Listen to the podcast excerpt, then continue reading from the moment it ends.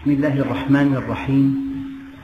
الحمد لله رب العالمين والصلاة والسلام على سيدنا محمد الصادق الوعد الأمين. اللهم لا علم لنا إلا ما علمتنا إنك أنت العليم الحكيم. اللهم علمنا ما ينفعنا وانفعنا بما علمتنا وزدنا علما وأرنا الحق حقا وارزقنا اتباعه. وأرنا الباطل باطلا وارزقنا اجتنابه. واجعلنا ممن يستمعون القول فيتبعون أحسنه. وأدخلنا برحمتك في عبادك الصالحين. أيها الإخوة الكرام مع الدرس الواحد والعشرين من دروس سورة الأنعام ومع الآية الواحدة والستين وهي قوله تعالى وهو القاهر فوق عباده. القاهر فوق عباده أي أن أمره نافذ. والله غالب على أمره. ولكن أكثر الناس لا يعلمون. ما شاء الله كان وما لم يشأ لم يكن. إليه يرجع الأمر كله. فاعبده وتوكل عليه. لكن قد يسأل سائل إذا كان أمر الله عز وجل هو النافذ في ملكوت السماوات والأرض فلماذا في الأرض كفار يعصونه؟ ولماذا في الأرض كفار يتحدونه؟ الإجابة عن هذا السؤال بسيطة وهي أن الكون كله مسير إلا الإنس والجن. مخلوقات لما عرضت الأمانة على السماوات والأرض والجبال. أبين أن يحملنها فاستسلموا لله عز وجل ورضوا أن يكونوا طائعين من دون تكليف ومن دون مسؤولية ومن دون حساب ومن دون جنة أو نار. فركب الملك من عقل بلا شهوة وركب الحيوان من شهوة بلا عقل وركب الإنسان من كليهما. حينما قال الله عز وجل إنا عرضنا الأمانة على السماوات والأرض والجبال فأبين أن يحملنها وأشفقن منها وحملها الإنسان. الإنسان قبل حمل الأمانة قبل أن يكون فيه شيء من الملك وشيء من المخلوقات الدنيا من حيث الشهوات. فيه قبضة من تراب الأرض وفيه نفخة من روح الله. عنده قيم ومبادئ وفي كيانه شهوات ونزوات. الإنسان مخلوق متميز. بإمكانه أن يصل إلى ما فوق الملائكة وبإمكانه أن يسقط إلى ما دون الحيوان. إن الذين آمنوا وعملوا الصالحات أولئك هم خير البرية. إن الذين كفروا في آخر الآية أولئك هم شر البرية. الله عز وجل قاهر فوق عباده. أمره هو النافذ. ما شاء الله كان وما لم يشأ لم يكن. غالب على أمره ولكن أكثر الناس لا يعلمون ولكنه خلق نموذجين. خلق الإنسان أعطاه الحرية. هوية الإنسان أنه مخير فبإمكانه أن يطيع الله وبإمكانه أن يعصيه. بإمكانه أن يستجيب لله وبإمكانه ألا يستجيب. بإمكانه أن يتبع عقله فيطيع ربه وبإمكانه أن يتبع شهوته فيعصي ربه. بإمكانه أن يسمو وبإمكانه أن يسفل. بإمكانه أن يستقيم وبإمكانه أن ينحرف. له أن يصدق وله أن يكذب. له أن يؤمن وله أن يكفر. له أن ينصف وله أن يجحد. هو مخير. بل إن الله عز وجل أعطى الإنسان شيئا من صفاته. الله عز وجل مريد والإنسان أعطاه حرية الاختيار. أيها الإخوة هذا سؤال دقيق. الذي يعصي يعصي لأنه اختار المعصية لكن الله يمده بقوة كي يعصي الله بها الذي يذهب إلى الملاهي يتحرك بقوة الله. لكن هوية الإنسان أساسها أنه مخير. أوضح لكم ذلك. إنسان عنده صيدلية أراد أن يعين موظف ليعينه بعد الظهر على إدارة هذه الصيدلية. أراد أن يختبره وضع له على طاولة مجموعة من الأدوية بعضها فيتامينات بعضها مضادات حيوية بعضها مقويات بعضها مضادات للسموم وبين له أماكن الأدوية في الصيدلية وقال له ضع كل دواء في مكانه. الآن هذا الموظف في طور الامتحان. فلو أمسك دواء السموم واتجه إلى خزانة الفيتامينات هل يمنعه؟ إذا منعه ألغى امتحانه. إن منعه ألغى الامتحان نحن في الدنيا نحن مخيرون. من شاء فليؤمن ومن شاء فليكفر. إنا هديناه السبيل إما شاكرا وإما كفورا. ولكل وجهة هو موليها فاستبقوا الخيرات. فالذي يعصي لا يعصي لأن الله ليس قاهرا على عباده. يعصي لأن الله منحه حرية الاختيار.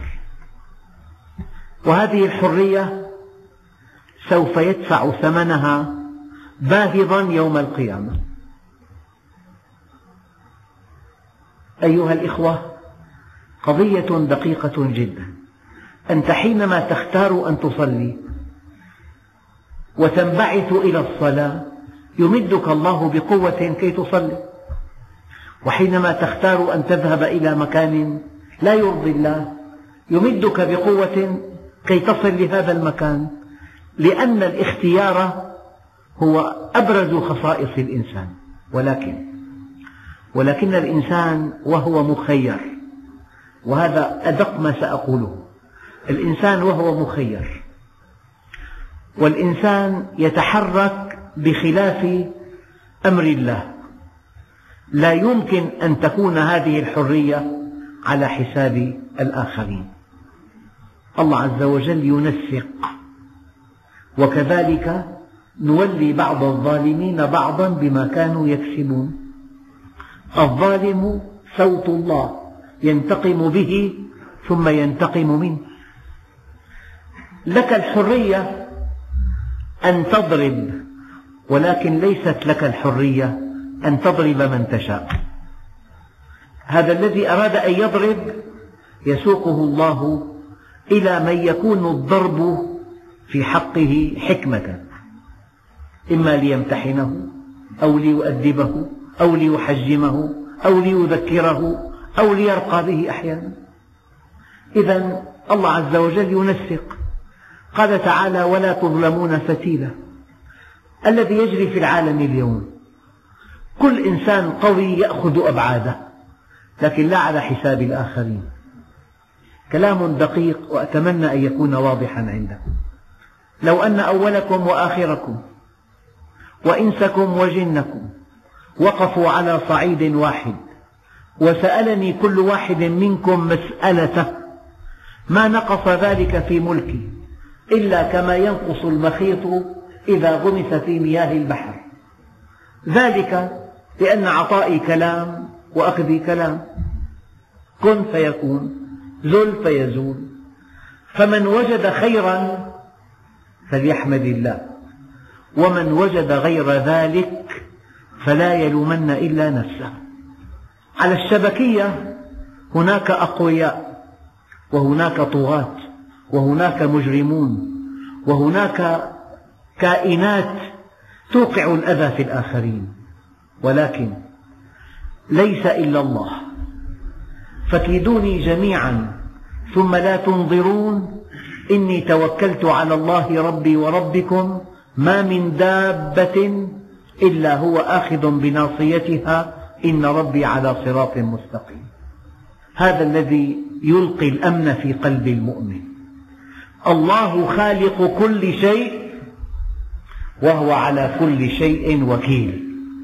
كيدوني جميعا ثم لا تنظرون. إني توكلت على الله ربي وربكم. ما من دابة إلا هو آخذ بناصيتها. إن ربي على صراط مستقيم. لذلك في الحديث الجامع المانع الموجز المحكم لا يخافن العبد إلا ذنبه. الجهات القوية في الأرض لا تعد ولا تحصى. والجهات المجرمة لا تعد ولا تحصى.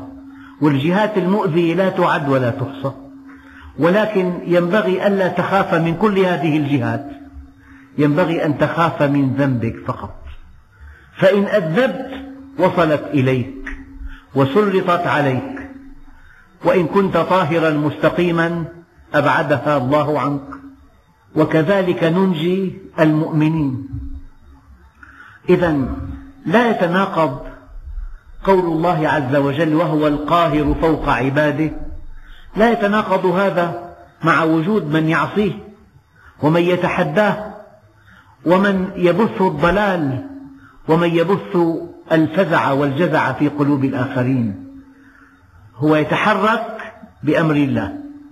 العلماء علماء العقيدة أعطوا جوابا موجزا لهذا الموضوع فقالوا عندها لا بها. الأشياء لا يقع تأثيرها إلا عند إرادة الله لا بقوتها الذاتية. ولهم تعبير آخر أراد بمعنى سمح لم يأمر ولم يرد ولم يرضى. سمح ولم يأمر ولم يرضى. يعني نهانا عن الزنا وأمرنا بالعفة. فإذا زنى الزاني نقول أراد بمعنى سمح الله له. وسمح الله له لأنه مخير. وقد أضيف سمح الله له بعد أن أصر على أن يفعل هذه الفعلة.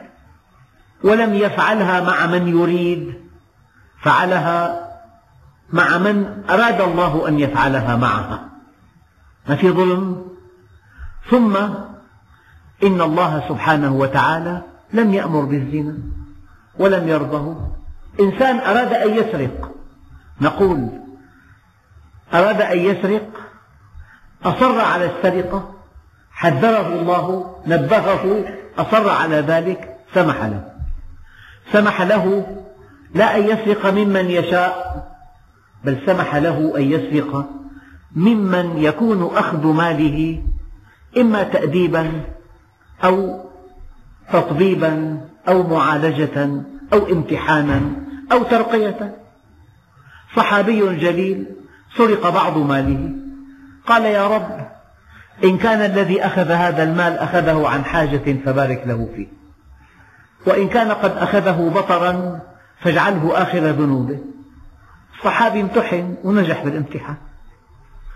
فيجب أن تعلم أن الله عز وجل حينما قال في آية الكرسي الله لا إله إلا هو لا معبود بحق إلا هو.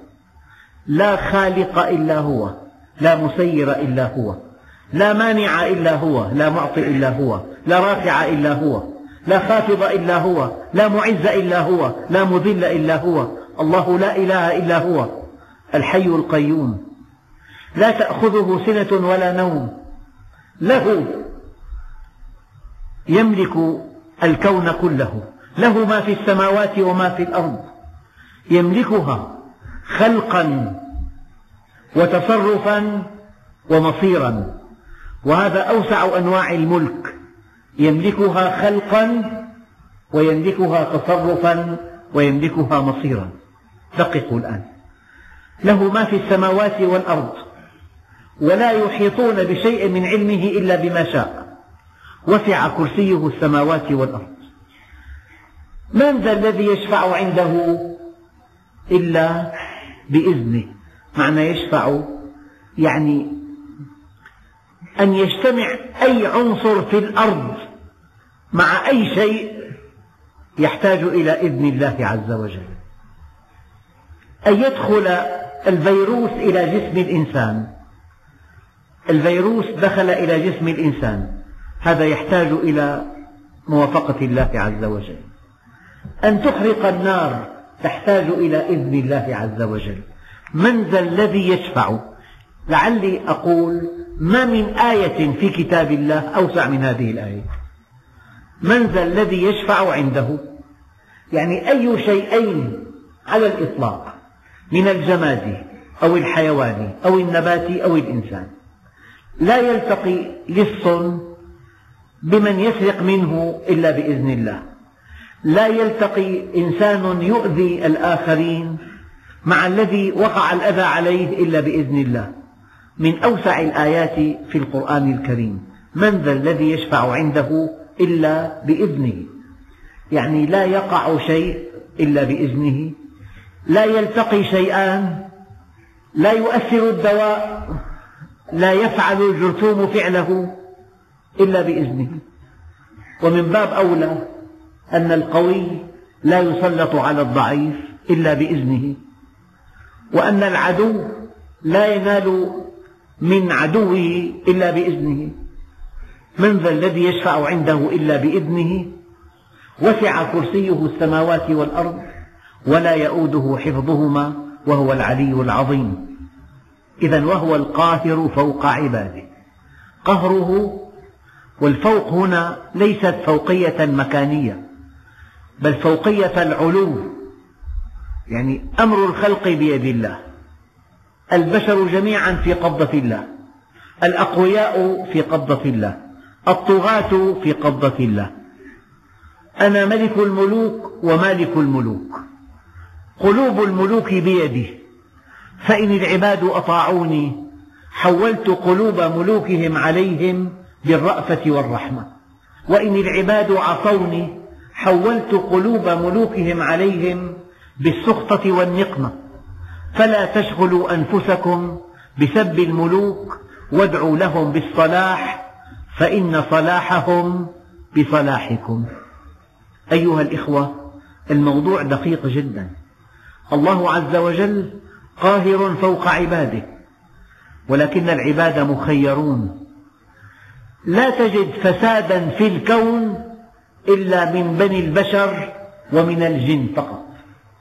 ما سوى هذين النموذجين الكون كله منصاع لأمر الله عز وجل وهو القاهر فوق عباده.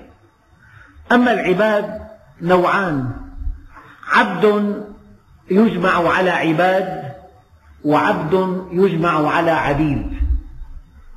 فالعبد الذي يجمع على عبيد هو عبد القهر. الإنسان مقهور بصحته.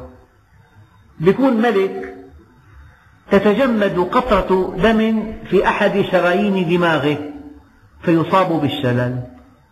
لو أتى بأطباء أهل الأرض لا ينجو من هذا المرض. فكل إنسان مقهور بالمرض.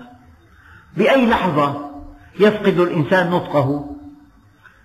هذه النقطة التي لا ترى بالعين لو تجمدت في وعاء من أوعية الدماغ لفقد الإنسان نطقه. وفي وعاء آخر يفقد رؤيته. وفي وعاء ثالث يفقد ذاكرته. وفي وعاء رابع يفقد عقله. وهذا القلب هناك سكتة قلبية فجأة احتشاء. بالأربعين نام فلم يستيقظ. فالإنسان مقهور بصحته مقهور بأي جهاز من أجهزته. تارة تنمو الخلايا نموا عشوائيا انتهى. ألف نوع للسرطان فيه بالدم وبالدماغ وبجهاز الهضم وبالعضلات وبالعين وبالجلد. وتارة بتجمد الدم في بعض أوعية الدماغ أو أي وعاء آخر. وتارة ضيق شريان القلب التاجي. قطر هذا الشريان ميلي وربع إذا ضاق دخل الإنسان في متاعب لا تنتهي. يحتاج إلى قسطرة ويحتاج إلى عملية. فتح قلب وزرع شريان ومئات الألوف. وقد لا يتحسن وقد يعطب. الإنسان مقهور مقهور في رزقه. قد يفقد كل ماله بحريق. قد يفقد كل حريته بطاغية يودعه في السجن. قد يفقد أولاده بحادث. الإنسان مقهور مقهور في صحته وفي رزقه وفي أهله. تكون زوجة في ريعان الشباب وهي في أعلى درجة من الجمال وضمن طموح زوجها. ورم خبيث تنتهي. في ريعان الشباب. الإنسان مقهور بصحته مقهور برزقه مقهور بزوجته مقهور بأولاده مقهور بمجتمعه. قد يقع حادث سير ينقطع عموده الفقري. فالعبد الذي جمعه عبيد هو عبد القهر. لذلك الملحد عبد لله عبد قهر. في قبضة الله عز وجل. ما لم تشعر أنك في قبضة الله فلست عبدا لله. كان عليه الصلاة والسلام إذا استيقظ من منامه صباحا يقول الحمد لله الذي رد إلي روحي. الإنسان قد ينام فلا يستيقظ وقد يخرج من بيته فلا يعود وقد يدخل البيت فلا يخرج منه على قدمين بل في نعش. وقد يسافر ويأتي كبضاعة في نعش. إلى أوراق وتخليص وضرائب ورسوم وينتظر توقيع المعاملات. كان يركب على مقعد الطائرة فإذا هو مع حقائب الركاب. فالعبد الذي جمعه عبيد هو عبد القهر. أما العبد الذي جمعه عباد هو عبد الشكر. هذا العبد الذي عرف الله فأطاعه طواعية وأقبل عليه محبة وأعطى عباده تقربا.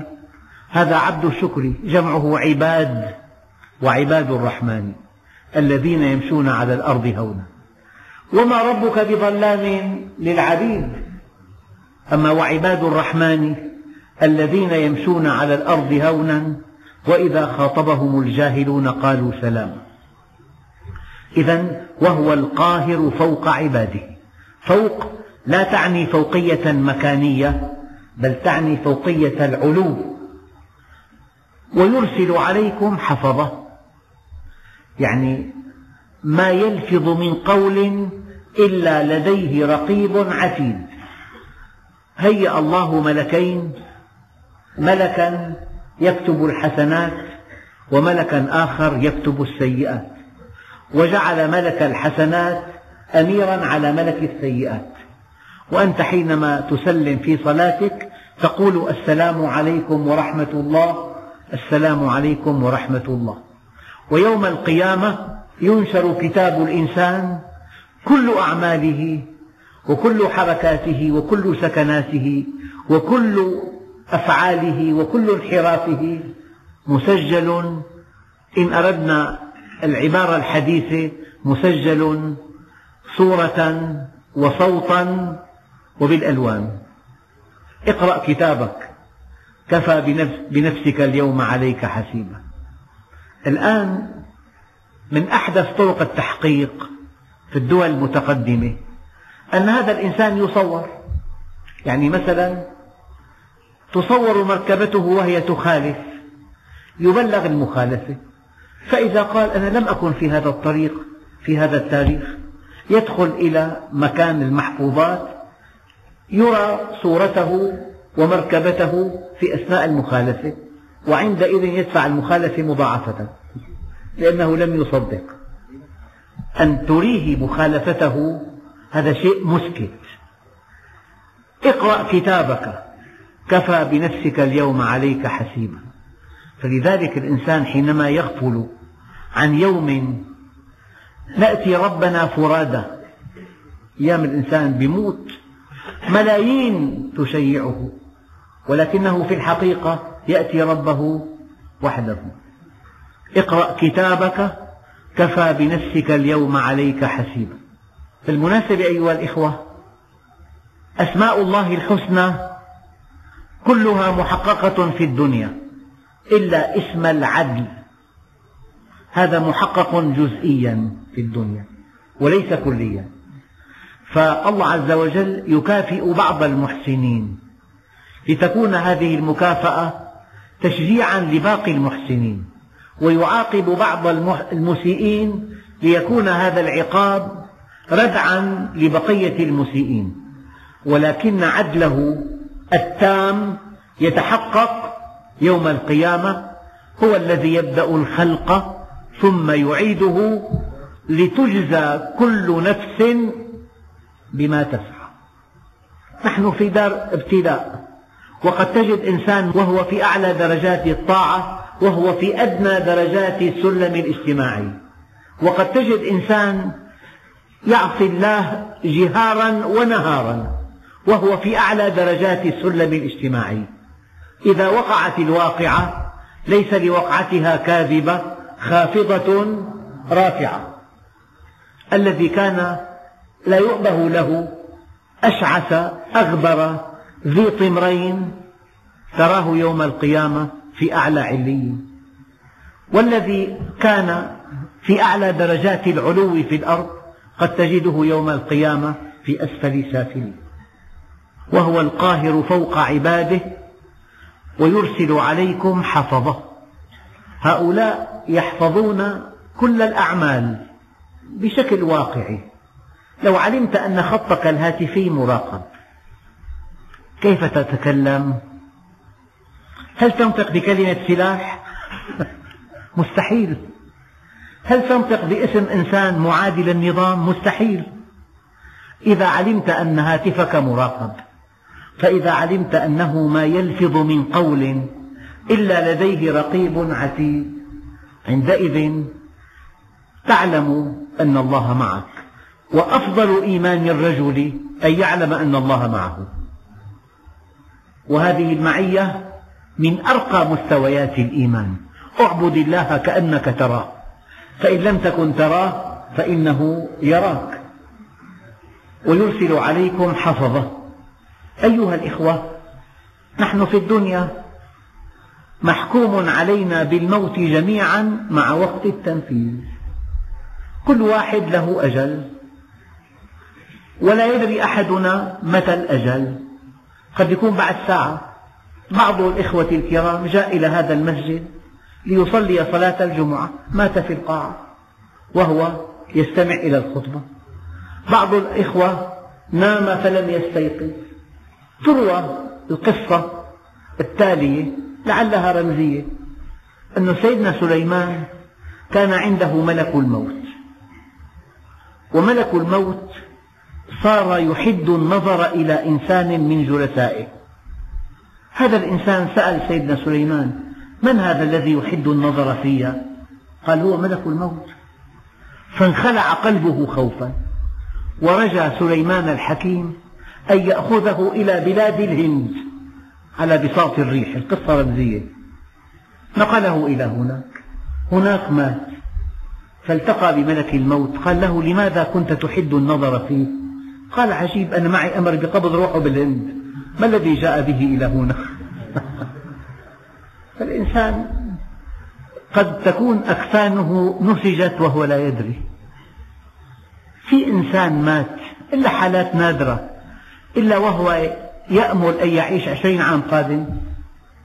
خطط ومشاريع وناوي يعمر بيت ويبني معمل يأتي الموت بغتة.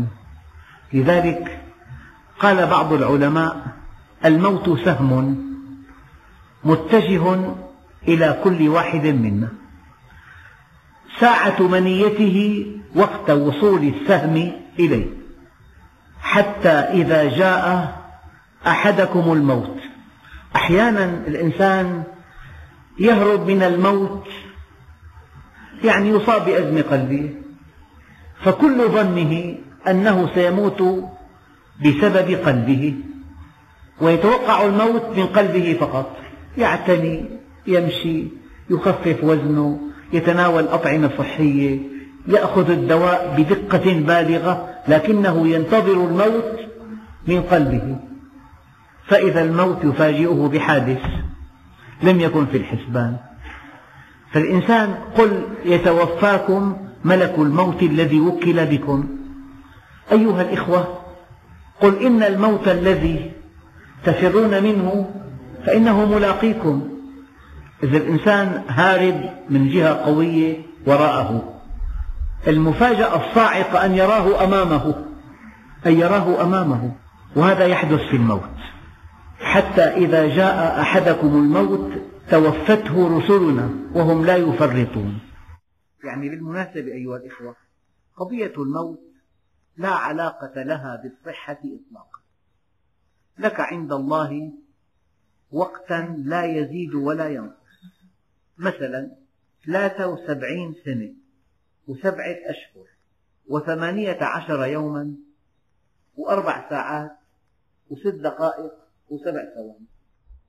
أما هذا العمر يمضيه الإنسان مستلقيا على فراشه مريضا مشلولا أو قائما متحركا نشيطا. هذا بحسب أن يطبق السنة النبوية في حركته اليومية. المرض والصحة لا علاقة لهما الأجل. محدود. إذا الله عز وجل يقول حتى إذا جاء أحدكم الموت الموت يأتي. الله عز وجل يقول يا أيها الذين آمنوا اتقوا الله حق تقاته ولا تموتن إلا وأنتم مسلمون. الموت بأيدينا حتى لا نموت إلا ونحن مسلمون. قال علماء التفسير لا. معنى الآية الموت ليس بأيديكم ولكن احرصوا ألا يأتينكم الموت إلا وأنتم على طاعة لله عز وجل. والله أيها الإخوة ليس على وجه الأرض من إنسان أعقل وأذكى ممن يعد لساعة الموت التي لا بد منها. وأنا ذكرت لكم وأذكر كثيرا هذا المثل. الفرق بين المؤمن وغير المؤمن. أن المؤمن يتعامل مع النص وأن غير المؤمن يتعامل مع الواقع. هؤلاء الناس الشاردون عن الله عز وجل. عايش يأكل ويشرب ويستمتع وينام ويسهر ويتسامر ويتنزه ويستعلي ويستكبر. ويعصي ويغفل ولا يصلي. بالواقع ما في شيء مقلق. صحته جيدة ماله وفير زوجته أمامه أولاده أمامه مركبته جاهزة. الوقت صيف يعمل نزهات. وقت شتاء بيعمل أماكن شتوية. إيه؟ هذا يعيش الواقع. هذا يصعق بالموت. يصعق. لأنه لم يحسب له حسابا. لأنه لم يدخله في برنامجه اليومي المؤمن يتعامل مع النص يقرأ القرآن.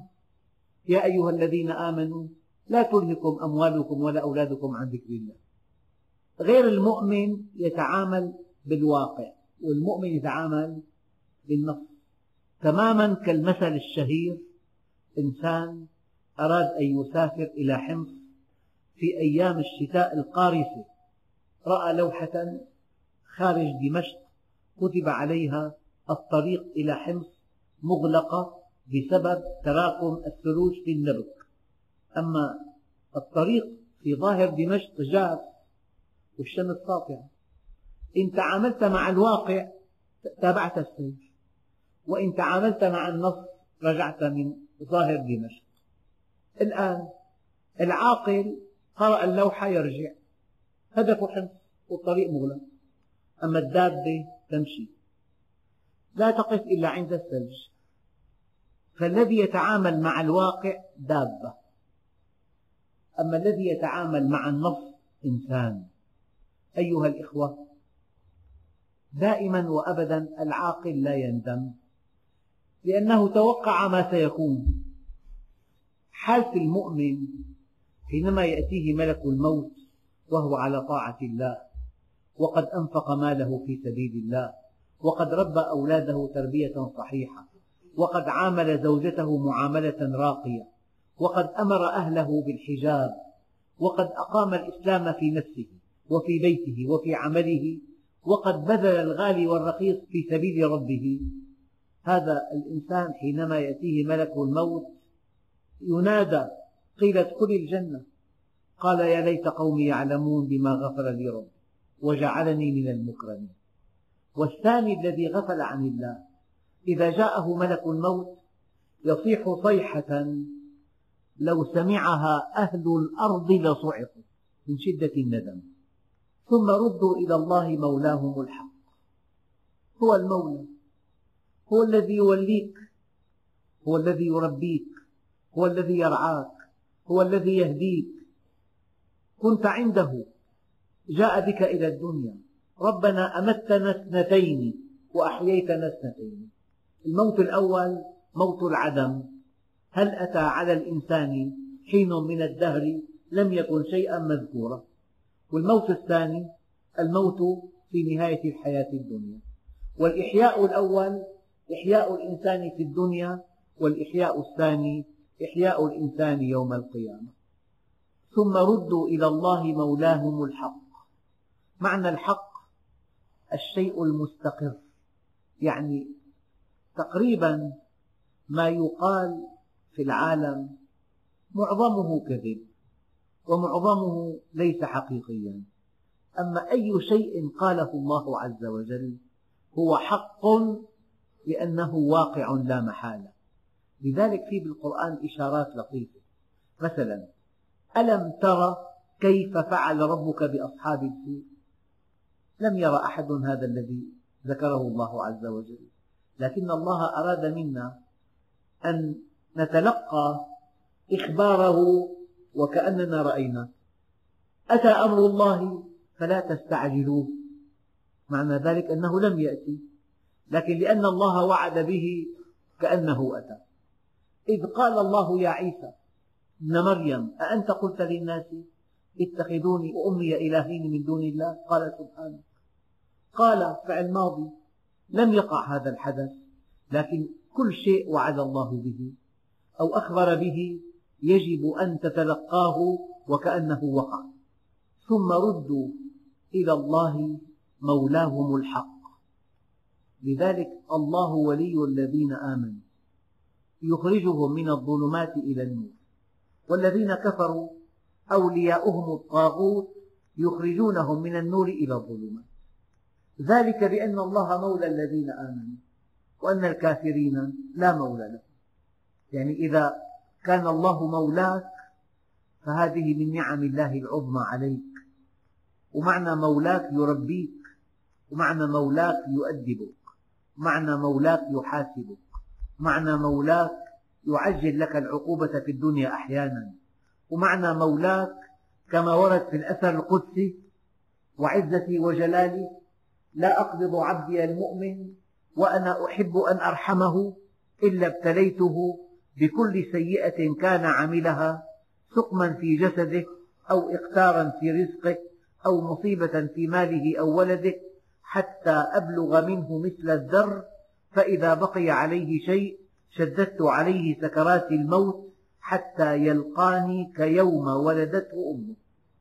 يعني إذا الواحد يرى أن الله يعالجه ويؤدبه ويعاتبه ويسوق له بعض الشدائد على أخطائه وينتظر منه أن يتوب إليه فهذه نعمة لا تعدلها نعمة. لكن المصاب الكبير أن يعطي الله الإنسان سؤله وهو في معصيته. فلما نسوا ما ذكروا به فتحنا عليهم أبواب كل شيء حتى إذا فرحوا بما أوتوا أخذناهم بغتة فإذا هم مبلسون. ألا له الحكم؟ الأمر له لو أن الله قال ألا الحكم له ولغيره ألا له الحكم له وحده. يعني الآن دول وقوى وحروب وخطط ومؤامرات. وكل إنسان يدعي أنه يعمل لصالح الأمة. وكل إنسان يدعي أنه يعمل لصالح البشرية. لكن الله سبحانه وتعالى يفصل بينهم يوم القيامة. والحكم له وحده. ألا له الحكم؟ وهو أسرع الحاسبين. وقد سمح الله جل جلاله بذاته العلية أن يوازنها مع عباده. ففي إنسان يحسب حاسب والله عز وجل أسرع الحاسبين. هو تبارك الله أحسن الخالقين وأسرع الحاسبين. فحساب الله عز وجل يكاد يختفي الزمن منه. أنت الآن أمام حاسوب بمستوى رفيع جدا حديث جدا. تعطي الأمر ترى على الشاشة النتيجة فورا. يكاد الزمن يختفي. سرعته عالية جدا المعالج قوي جدا. فإذا كان خالق الأكوان يقول كن فيكون قال علماء التفسير حتى كن فيكون للتقريب.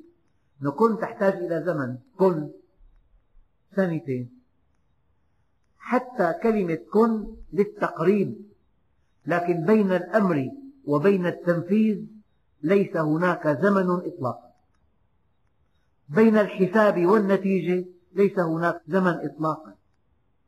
أيام تعطي إنسان مسألة يستغرق حلها ساعات طويلة. أما ربنا عز وجل أسرع الحاسبين. فهذا كلام يعرفنا بذات الله جل جلاله وهذا يقتضي أن نكون كما أراد الله عز وجل من عبيد الشكر لا من عبيد القهر. والحمد لله رب العالمين.